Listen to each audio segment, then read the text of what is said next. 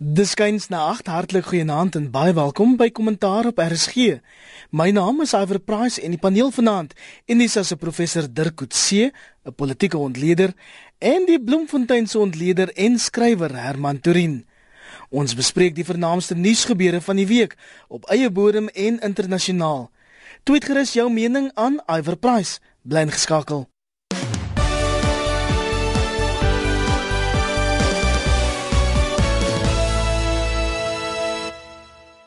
Kollegas, kom ons begin vanaand by die bloedneus wat die departement van korrektiewe dienste gekry het na die arbeidshof se beslissing dat elke provinsie sy eie rasse demografie moet toepas. Die DKD is gelas om sy regstelprosesse te hersien en dis 'n oorwinning vir solidariteit en 10 applikante wat nou bewys het dat bruin en wit personeel se bevordering in die departement gestrem word deur die rassebeleid. Nou Dirk, die uitspraak is gister in die koerante beskryf as 'n belangrike domino wat geval het. Is dit die begin van die einde van regstel aksie in die werkplek? Nee, ek dink nie mens moet dit noodwendig so interpreteer nie. Die belangrike deel van hierdie uitspraak is die feit dat dit gesê word dit is nie dat die nasionale profiel van die bevolking moet nie op provinsiale vlak toegepas word nie. So as daar byvoorbeeld die Weskaap wat nou hier definitief ter sprake is, dat die bevolkingssamestelling van die Weskaap is baie anders as die nasionale gemiddelde en dan moet dit in die eerste instansie ter sprake kom by die bepaling van hoe persone aangestel moet word deur regstellende aksie en nie die nasionale samestelling nie. Ek dink dit spreek ook die idee aan wat reg in die begin ter sprake was in die wetgewing dat daar genoem is dat daar nie kwotas moet wees nie, maar dat daar eerder teikens moet wees. Nou, dis baie moeilik om die verskil tussen die twee altyd te kan aandui en ek is nie altyd seker wat die verskil tussen die twee is nie, maar ek dink in 'n mate word dit byvoorbeeld die departement koop van korrektiewe dienste teruggeneem na die meer oorspronklike idee van die wetgewing om te sê dit is teikens wat gespreek is en dat dit nie noodwendig kwotas is soos wat byvoorbeeld in Amerika gebruik is nie. Die wetgewing wat ons hier het is in 'n groot mate was om te probeer om van die probleme wat in die gebruik daarvan in die FSA was om dit te probeer verhoed. Een van die grootste dilemma's wat daar bestaan is is dat daar 'n mate in verskil is tussen dit wat die wetgewing sê en die implementering daarvan. Die wetgewing is redelik akkommoderend terwyl die implementering daarvan soms baie rigied is. Neem byvoorbeeld die posisie van buitelanders wat by Unisa waar ek nou is, soms 'n baie taai toffie is om te hanteer. Is waar pas hulle in in hierdie wetgewing? Is hulle heel onder aan die lys of word moet hulle beskou word as swart as hulle van Afrika lande afkom?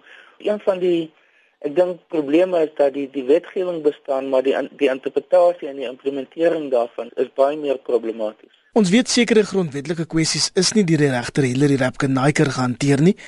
Herman, dis nou belangrik dat die saak ook in die konstitusionele hof moet draai, né? Ja, kyk Pieter Davids, die enigste wit applikant is in die uitspraak uitgesluit en dit hou weer verband met die Renate Barnard saak wat van die polisie wat nou in die arbeidsappelhof hanteer was en nou deur die regter as 'n uh, president gebruik is. So die saak moet nou uiteindelik maar in die grondwetlike hof beland. Mens moet die die oorhoofse konteks verstaan en dit is in die eerste plek dat die grondwet self verwys nie na regstellende aksie nie of as mens nou na die Engelse teks kyk wat nou meer toepaslik is, affirmative action nie. Dit gaan oor soos die skrywers van Fundamental Rights in a New Constitution uitgewys het wat hulle graag wil hê die woorde corrective action moet gebruik word. En corrective action beteken iets wat verkeerd is word reggestel. Dit gaan nie oor in die eerste plek iemand se ras of kwotas of iets in die lyn nie. Dit gaan oor om skeefgetrekte sake reg te kry. En as mens affirmative action aanhou toepas dan het mens later die situasie en dit het nou al reeds baie gebeur dat die mense wat reeds reggestel is weer en weer en weer reggestel word en ander mense in die sosio-ekonomiese posisie ongeag hulle velkleur wat benadeel word kan nie weer voorkom nie word nooit reggestel nie. En in die stadium is dit uh, regtig hartseer dat is nou meer as 20 jaar sedert die laaste apartheidswet nou ironies deur die vorige regering geskraap is en nog steeds word mense se hele lewe van hulle weg tot die graf deur rassewetgewing bepaal dit is iets wat nou wêreldwyd eintlik in 'n in 'n tipe van 'n dispuut geplaas word. President Barack Obama het byvoorbeeld self gesê hy kan nie sien hoe sy kinders deur um regstelling of affirmative action bevoordeel kan word nie want hulle was in hulle lewe nog nooit benadeel nie. En daar is nou ook 'n hofsaak in die Supreme Court aan die gang wat nou hoofsaaklik gaan oor Michigan wat nou 'n verbod geplaas het op affirmative action toelatings by tersiêre instellings, maar dit raak ook Kalifornië en onregstreeks Texas waar daardie saak op die ys geplaas was en nou deur hierdie saak nou rigting sal kry. Dit is 'n baie komplekse situasie wat eintlik baie groot klarigheid in die in die um, grondwetlike hof nodig het. Anders gaan dit in 'n situasie vasgevang bly waar ras, ras, ras alles bepaal. Agtergeblewe mense dan uiteindelik vir ewig tot agtergeblewenheid verdoem word bloot omdat hulle aan 'n sekere velkleur behoort. Dit kan nie houbaar wees in terme van die grondwet in Suid-Afrika wat dan onbillike diskriminasie op 'n reuse klomp grondsla maar onder meer op grond van ras verbied nie. Ek voel regtig dat die saak hoe gouer dit in die grondwetlike hof beland en daar duidelik uitgekry word, hoe beter. Dirk, ek wonder of jy met Herman saamstem. Net vir konteks, die DKD gebruik die nasionale demografie as die enigste maatstaf vir die toepassing van regstellende aksie. Met ander woorde, 79,3% van die aanstellings of bevorderings moet vir swart mense wees, 9,3% vir wit mense, 3,5% vir indiërs en 8,8% vir bruin mense. Jou reaksie, Dirk?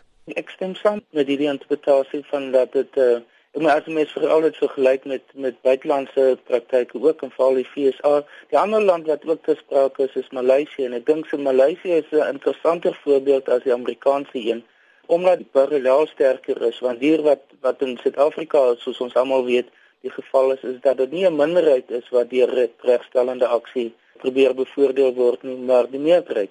Um, en dieselfde is in die geval in Maleisië waar dit is die inheemse Maleisiërs wat waarop dit gemik is teenoor die Chinese wat daar die ekonomiese elite is. So daar's baie sterk parallelle wat daar bestaan.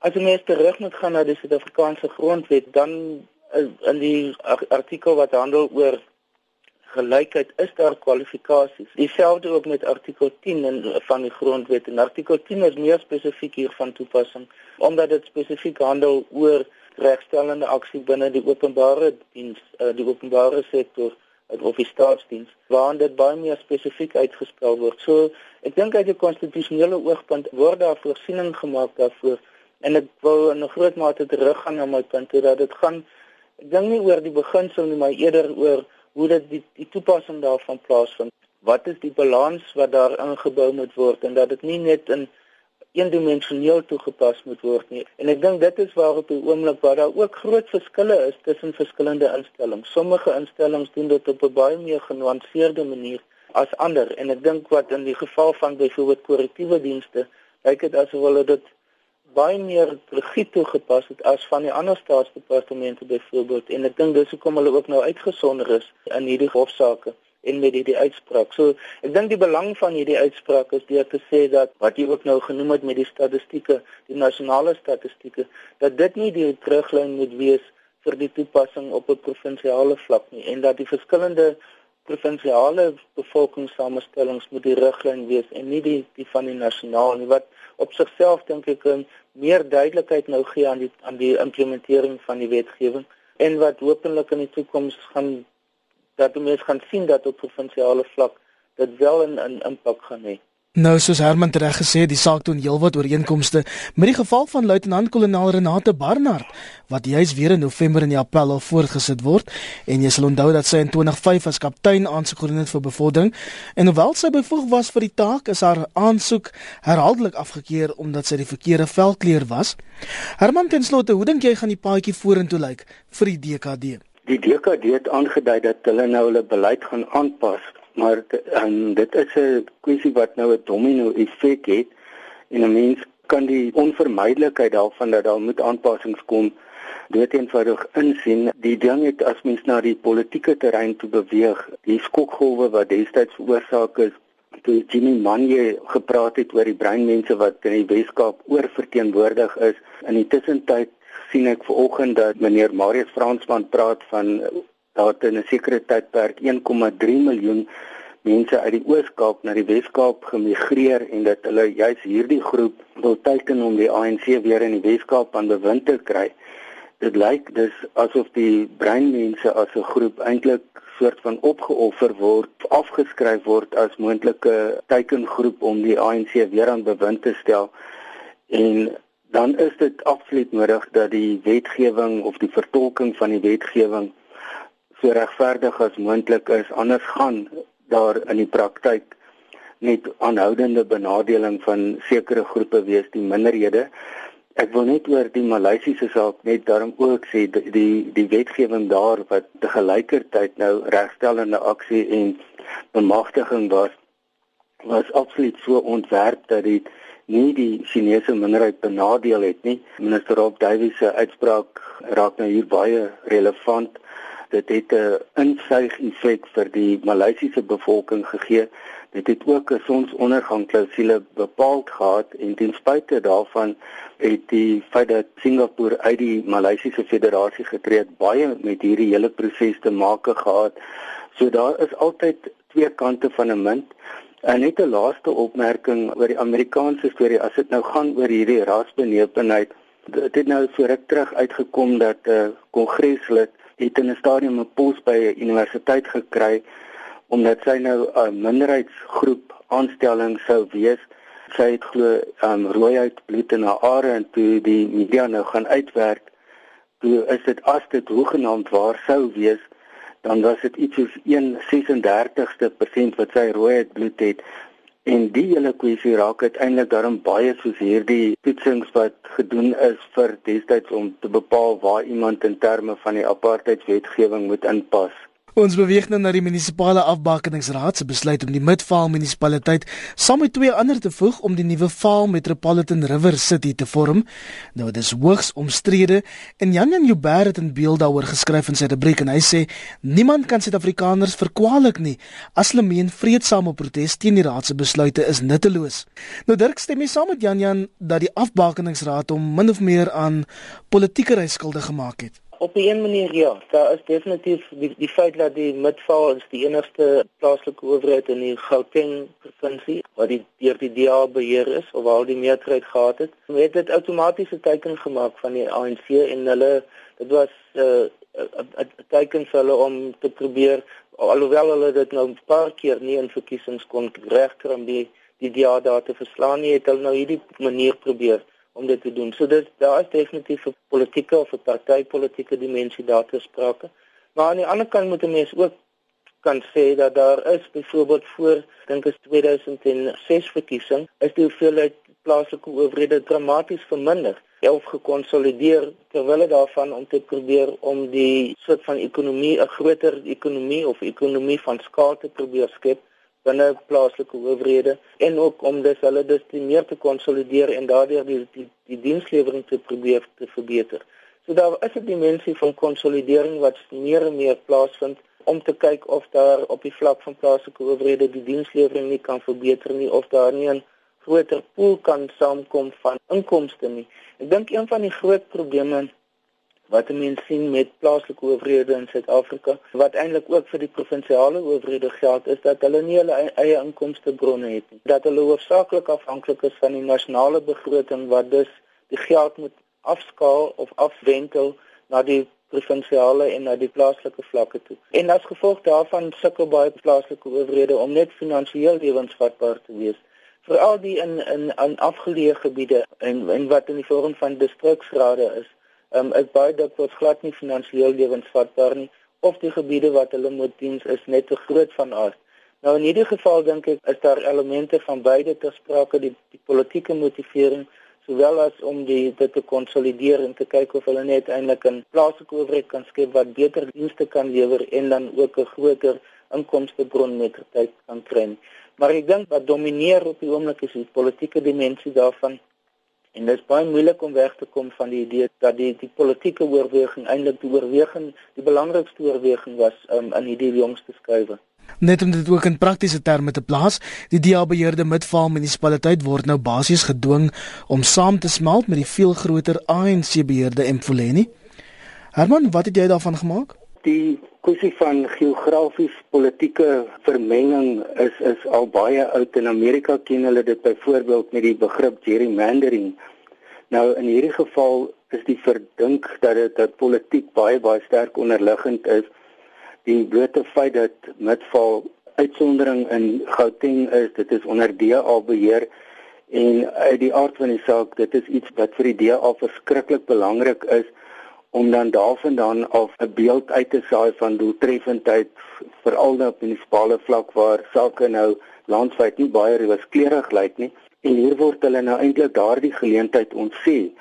Nou geografiese manipulasie lyk baie sterk omdat by die storie met Sasolburg en Waar daar nou onluste oor uitgebreek het oor die moontlike samesmelting of die beplande samesmelting van Metimahole en Mwati munisipaliteite. Dit het nou op die ys beland as gevolg van die onmin en daar sou dit, dit nou nie 'n verwisseling van politieke party situasie afgegee het nie dit het bloot gegaan oor die persepsie dat daar nadele is dat ook onderste in Giani uitgebreek omdat die inwoners in daardie omgewing 'n uh, eie munisipaliteit eis.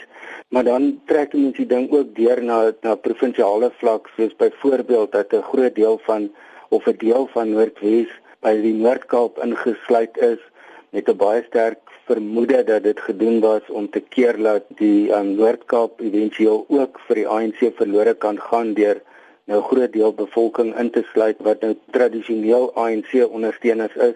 Die gedurende sprake dat die Wes-Kaap as provinsie geskraap gaan word om nou deel te word met 'n provinsie wat na die Oos-Kaap as grondslag het wat 'n baie groter bevolking het en waar daar 'n baie oorweldigende ANC um, steun is.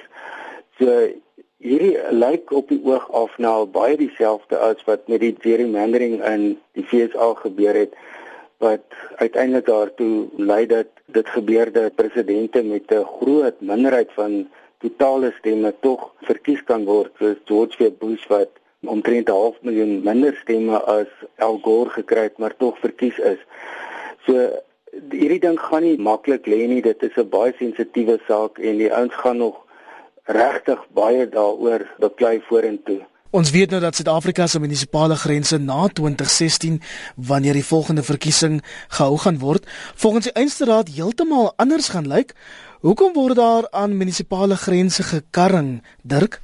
Wel, dit is die vlak waarop daar die meeste verskille kan plaasvind in regerings. En as ons kyk na byvoorbeeld die uitslae van 2011, is daar in provinsies soos byvoorbeeld KwaZulu-Natal, maar ook veral in die Noord-Kaap en in die Wes-Kaap, is daar heelwat uh, van die plaaslike owerhede wat die DRDA of 'n kombinasie van die DA en Cope of selfs in die geval van byvoorbeeld Beaufort Wes of Prins Albert, Prins Albert is 'n baie goeie voorbeeld wat hulle deur die wat hulle genoem word die Karoo onafhanklikes bestuur word. So dit skep die geleentheid waar onafhanklike en plaaslike organisasies baie suksesvol kan wees, eintlik die politieke groeperings heeltemal kan vervang of kan kan uitskakel daar of waar 'n kombinasie van die oppositiepartye bymekaar kan kom en 'n koalisie regering kan vorm in plekke soos byvoorbeeld Klein Willem Hoogland of Vryburg in die in die in die Karoo daar koop tot die burgemeesterskap So dit dit skep daardie opsies. Terwyl as jy mens na die provinsiale vlak kyk of die nasionale vlak, dan is dit net die groot partye wat daar dominant is. En die rede daarvoor is is dat die kiesstelsel op plaaslike vlak anders is as die proporsionele verteenwoordiging gekoppel aan die lyste wat ons op die provinsiale en op die nasionale vlak het. Op die plaaslike vlak is 50% direk verkose raadslede wat dus individue is waarvoor gestem word terwyl die ander 50% die proporsionele verteenwoordiging is. So dit skep 'n heeltemal nuwe dimensie op of ander dimensie op plaaslike vlak. En ek dink politieke partye, veral die ANC, word gefrustreerd daardeur um, omdat hulle nie voel dat hulle in totale beheer van al die verskillende vlakke is en, veral dan die, die plaaslike vlak nie. Die finale besluit oor die verandering van munisipale grense lê by die afbakeningsraad. Ons het nou met Midval gesien dat 10000 mense daarteen kapsie gemaak het, maar op die einde van die dag het hulle stemme net mooi niks getel nie. Moet mense nie die wet verander sodat samesmeltings net met die instemming van die betrokke stadsrade kan plaasvind nie? Ek glo dat die um, kleiner partye dit baie sal verwelkom as die munisipaliteite wat hulle beheer dan um, daardie finale sê gaan hê dit klink na ook 'n logiese en billike opsie maar uit die aard van die saak die een wat die wat die mag in die hand het sal weer baie sterk daarteenoor skop En uiteindelik kan hierdie saak waarskynlik ook weer in die howe beland. Die DA het in elk geval aangekondig dat hulle die Midval storie na die hof gaan neem en 'n mens moet daar ook maar wag op hoe die howe die hele regsraamwerk met die grondwet gaan uitlê om te bepaal of hier 'n kwessie nader aan natuurlike geregtigheid sal begin ontwikkel. Kollegas, ons beweeg na die buiteland en demokratiese en republikeinse senators in Amerika het ooreenkomste bereik om die sluiting van die regering te beëindig en die land se skuldplafon te verhoog. Die meerderheidsleier in die Senaat, Harry Reid, sê die ooreenkoms sal aan die Amerikaanse ekonomie die stabiliteit gee wat benodig word. Maar Herman, jy's redelik oortuig dat dieselfde proses weer vroeg volgende jaar kan herhaal. Ja, vir al die Tea Party gedeelte binne die Republikeine het reeds aangedui dat hulle hulle monster wanneer die die hele kwessie nou weer aan die middel van Januarie aan die bod kom, hulle voel dan gaan hulle situasie baie sterker wees omdat onder meer die ehm um, die Obama keer dan 'n ruk al sou geloop het, daar is lyk my 'n geweldige implementeringsprobleme. Mense gaan meer begin betaal en daar is algemene frustrasie sekere kringe met die implementering en die voortsetting van die proses en hulle voel dan gaan die republikeinse kongreslede wat hulle nou basies in die steek gelaat het soos hulle dit sien anders dink oor die saak. 'n Tweede faktor is dat daar dan begin nominasiestryde kom vir die volgende midterm verkiesings en hulle glo dan met 'n ander gesindheid van die publiek sal van die republikeinse kandidaate wat nou die handdoek ingewerp het gaan dan sterker rig styf maak om die um, Tea Party hulle sin te laat kry. Die peilings wat nou hierdie hele kwessie onderliggend is, is nogal baie teenstrydig. Ehm um, Gallup gee nou die Republikeine 'n 28% steun wat nou 'n uh, 'n laagtepunt van enige tyd nog was. Terwyl as mens nou kyk na die Rasmussen peilings dan die jongste dui aan dat 52% van die bevolking is alreeds ongelukkig met Obamacare. Net 13% meen die land is in die regte rigting op koers 52% glo die FSA se beste dae is verby. En dan wat eintlik baie interessant is 64% wil 'n kleiner regering met minder dienste hê wat nou die Obamacare insluit. En dan nou 47% en dit is die meeste wat nog ooit was sover is krities oor Obama en hoe hy die Obama keer hanteer. So dit lyk of die die die hele proses teen die middel van Januarie weer terug op die tafel kan wees. En die keer waarskynlik dan nou met 'n baie sterker aanslag uit die kamp wat nou Obama self opponeer. Mense moet daar net in gedagte hou dat omdat die Amerikaners nie die koue stelsel ken soos ons dit ken nie, is daar oor en weer stemmery met ander woorde ses demokrate sal saam met die republikeine stem en weer omgekeerd. Mens moet 'n bietjie van 'n vloeibaarheid ook in die die hele ding sien uh, in die stadium met die demokrate met die midtermyn verkiesing 17 setels nodig om in die huis van verteenwoordigers 'n meerderheid te word en die mense is nie so seker of hulle dit sal behaal teen die agtergrond wat onder andere die gerrymandering wat nou plaasgevind het sodat baie setels in wese verskans is vir 'n politieke party nie maar dan ook die omstandighede wat daartoe lei dat die Amerikaners op die oomblik nie baie positief is oor hulle land se toekoms nie. Dirk, die Amerikaanse politieke stelsel is vir my redelik ingewikkeld. In die Huis van Verteenwoordigers is die Republikeine tans in die meerderheid en die Demokrate in die Senaat. Nou dis 'n stelsel wat eintlik niks werd is sonder politieke wil nie, as ek reg. Ja, dit is so en dit, dit is ook met die skeiding van magte tussen die wetgewende gesag en die uitvoerende gesag is baie rigied daar, baie meer as byvoorbeeld in die Britse stelsel of selfs hier by ons. Wat beteken dat daar die gedurende onderhandelingsproses moet plaasvind tussen die twee instellings. En ek ek dink dit is wat ons nou gesien het wat moes gebeur het en dan is daar natuurlik ook tussen die twee huise waar daar onderhandelings moet wees dink 'n be belangrike faktor wat op die oomblik te sprake is is en wat die skeiding bring tussen die feit dat daar die demokrate die meerderheid in die senaat het teenoor die republikeine wat die meerderheid in die huis van verteenwoordigers het is dat hoe hoër mense op die skaal opgaan hoe meer nasionale mense kyk byvoorbeeld in Amerika hoe sterker steun het die demokrate hoe meer mense na die plaaslike vlak toe beweeg en dit waar die huis van verteenwoordigers se, se lede lê. Hulle verteenwoordig spesifieke in, in ons terme kan ons sê kiesafdelings. Hoe meer die, die republikeine in invloed daar. So dit is ook ek dink weer speel in die statistieke wat wat ons nog net gehoor het. En dit beteken dat as daar 'n nasionale saak te sprake is, dan is die dan is die demokrate gewoonlik meer dominant. Um, as dit gaan oor byvoorbeeld tussen vir of verkiesings soos wat volgende jaar weer gaan plaas plaasvind vir 'n groot deel van die huis van verteenwoordigers, dan het die republikeine is hulle baie sterk. Ek dink 'n ander faktor wat nou begin na vore tree is is dat en wat hierdie onderhandelingsproses baie moeilik maak, die sogenaamde bipartisanship, is dat die verskillende partye met mekaar kan onderhandel. As dat mense sien dat daar 'n polarisering plaasvind tussen die demokratiese gedeelte van Amerika en die republikeinse gedeelte en dat daar nie meer 'n baie groot grys gebied is van waar kiesers van die een party na die ander party beweeg en waar verkiesings dit 'n baie belangrike geleentheid is om 'n 'n konsensus of 'n middel punte probeer bereik wat na die verskillende partye toe kan um, spreek nie. Um, nou, as gevolg daarvan, as gevolg van die polarisering, het dit nou ook 'n effek op die posisies wat die die lede van die of die kongres of die senaat inneem. En ek dink dit is wat nou een wat ons gesien het in hierdie situasie is dat as gevolg van die feit dat veral die die republikeinse lede van die huis van verteenwoordigers voel dat hulle moet hulle self bewys dat hulle konservatief genoeg is veral teenoor die Tea Party om volgende jaar herkies te word, was nou nie bereid vir vir kompromieë aangaan nie. En dit was eintlik die rol wat die spreker gespeel het, wat die de facto leier van die Republikeine in die Huis van Verteenwoordigers is, en wat die breek gemaak het en wat gelei het tot hierdie ooreenkoms.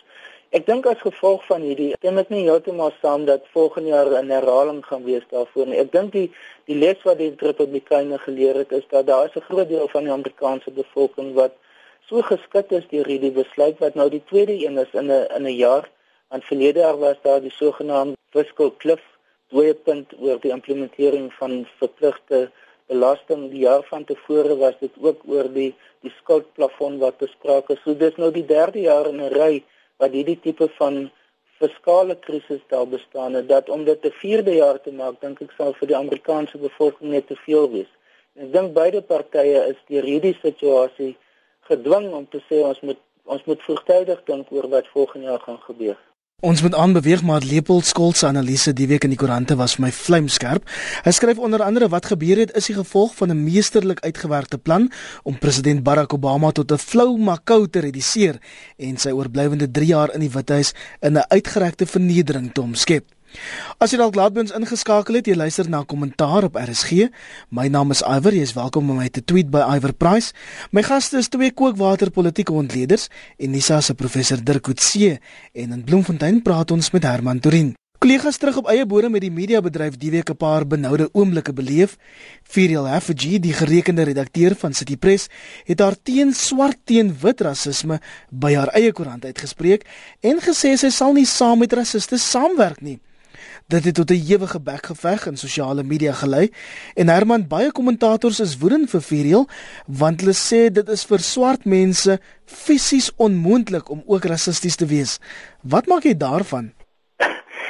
Ja, mens kry die stelling dat per definisie swart mense nie rassiste kan wees nie nogal gereeld en eintlik per definisie is dit 'n baie kras vorm van rasisme om so 'n standpunt in te neem want nie rasig beteken tog dat jy nie die een ras se posisie bo ander stel nie. Nou die hele kwessie van ras, miskien net so om 'n interessante afleiding te gee, is 'n universele tipe verskynsel. Um, in Nederland gaan die Verenigde Volke of die Verenigde Nasies nou ondersoek instel na 'n uh, herhaalde klomp klagtes oor die rasisme wat spruit uit die gebruik van Swarte Piet wat nou saam met Sinterklaas beweeg. Dit wys net hoe sensitief hierdie kwessie is want dit is 'n tradisie wat nou al heelwat meer as 'n eeu aankom. Vir jare het niemand enige vorm van rasisme daarin gesien nie en nou is dit 'n vorm van rasisme wat mens miskien net nou by die afgesie saak nou sterk moet net beklemtoon is wat sy gesê het klink verskriklik baie na die aanhaling wat hulle gereeld gebruik van oud president Nelson Mandela tydens die Rivonia verhoor waar hy gesê het dat hy nie net geveg teen wit oorheersing nie, maar ook teen swart oorheersing. En ek dink daardie boodskap het nou in die voortgesette debat oor wat rasisme is en wat nie rasisme is nie al baie baie verlore geraak.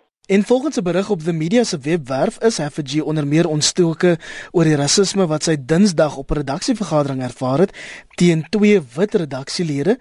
Nou die interne vergadering het nou so erg in die publiek ontspoor dat tot die liewe Julius Malema ingespring het en hy het gevra dat Hafiji geskort word. Dirk, jou reaksie?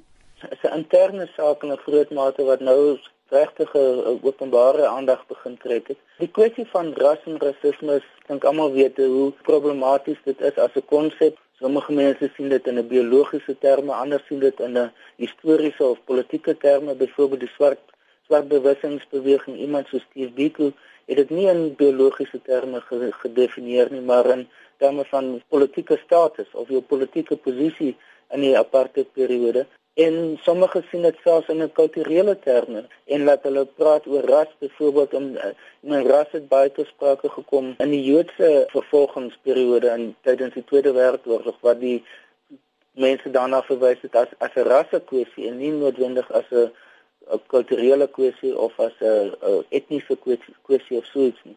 Ehm um, so dit is iets wat net bloot op 'n konseptuele vlak baie problematies is. Ehm um, die uitspraak dat swart persone nie rassisties kan wees nie, gaan baie terug na die swart bewussynsbeweging. Dis 'n uitspraak wat hulle konsekwent maak. Rasisme is is 'n wit verskynsel, dis 'n verskynsel wat uit veral uit die apartheidsidee uit uh, gevloei het in in die Suid-Afrikaanse konteks en daarom is dit iets wat direk daaraan gekoppel moet word en dit is iets wat as dis ook as 'n oorblyfsel van apartheid moet gesien word en nie noodwendig net as 'n samelewingsverskynsel nie. En ek dink as gevolg daarvan is daar 'n sekere beskouings oor wat rasisme is wat as jy mens baie streng daarna kyk, dit heeltemal vereng of verskraal of heeltemal so wyd interpreteer dat dit eintlik sy betekenis begin verloor. En ek dink dit is die groot probleem met die die konsep van rasisme is, is dat dit is so allesomvattend en mense gebruik dit so in soveel verskillende verbande dat dit uh, nie meer werklik altyd betekenis het nie. So dit wat hier besig is om te gebeur, dink ek is 'n is 'n saak waar daar dit gaan oor verskillende maniere van hoe mense saam moet werk binne 'n verband, binne 'n werksverband en die spanning wat daar ontstaan rondom dit. En dit is maar tot 'n groot mate dink ek deel van dit wat baie mense Suid-Afrikaners ervaar in hulle eie omstandighede. Ehm um, dit is ongelukkig dat dit nou aan die aan die kapstok van rasisme gehang, gehang word en dat dit nou soveel aandag weer trek. Maar ek dink dit bring die die fokus terug na die om te sê dat die interne probleme in Suid-Afrika tussen mense op 'n individuele basis is nog ver van volkome uitgesorteer en ek dink as mens kyk na die praktyk in baie ander lande in die wêreld is hulle eintlik besig om meer en meer dit te ervaar wat ons al reeds vir 'n lang periode ervaar So die die gekompliseerdheid van ander interpersoonlike verhoudings wat ons altyd in Suid-Afrika geken het, is nou besig om uh, inter meer en meer van 'n internasionale fenomeen te word en uh, en dit is nou een voorbeeld waar uh, waar 'n oplossing gevind sal moet word tussen die mense wat met mekaar saamwerk. Daar. Kollegas, ons bly by die sensitiewe onderwerp van ras en oor die naweek het ons in Diepsloot by Soweto gesien hoe beide Agang en die ANC die begrafnis van twee kleuters vir politieke gewin gekaap het. Dr Mampela Rampela het blykbaar openlik gespog dat haar party vir die kinders se begrafnis help betaal het en 'n ANC raadslid het toe die mikrofoon gegryp voor 2000 mense gesê dis nie reg dat hierdie begrafnis as 'n politieke begrafnis gekaap word nie, maar Herman Agang in die ANC klink dan vir my ewe skuldig. Die hele kwessie van ras word natuurlik nou op 'n spits gedryf met die oog op volgende jaar se verkiesing. Mense het nou al in die verlede gesien hoe die raskwessie ernstige of groot swaaye in in steun vir partye veroorsaak soos met die vorige verkiesing wat die veldtog om Zuma te kritiseer omgesit het in 'n persepsie dat dit aanval op swart mense was en so die ANC na my mening nogal baie stemme getrek wat eintlik na Cape toe sou gegaan het. Interessantheid is hoe as mens kyk na hoe die verskillende politieke partye gereageer het op hierdie diepslootmoorde en daar was in die tussentyd nou nog uh, ene daarbye en dan nou nog twee babas wat by Mulder teruggevind is wat um, in die veld gelos was. Reageer daarop en dan teenoor hoe hulle reageer op die plaasmoorde van die jongste tyd. En daar was terloopse jaar nou al 52 plaasmoorde.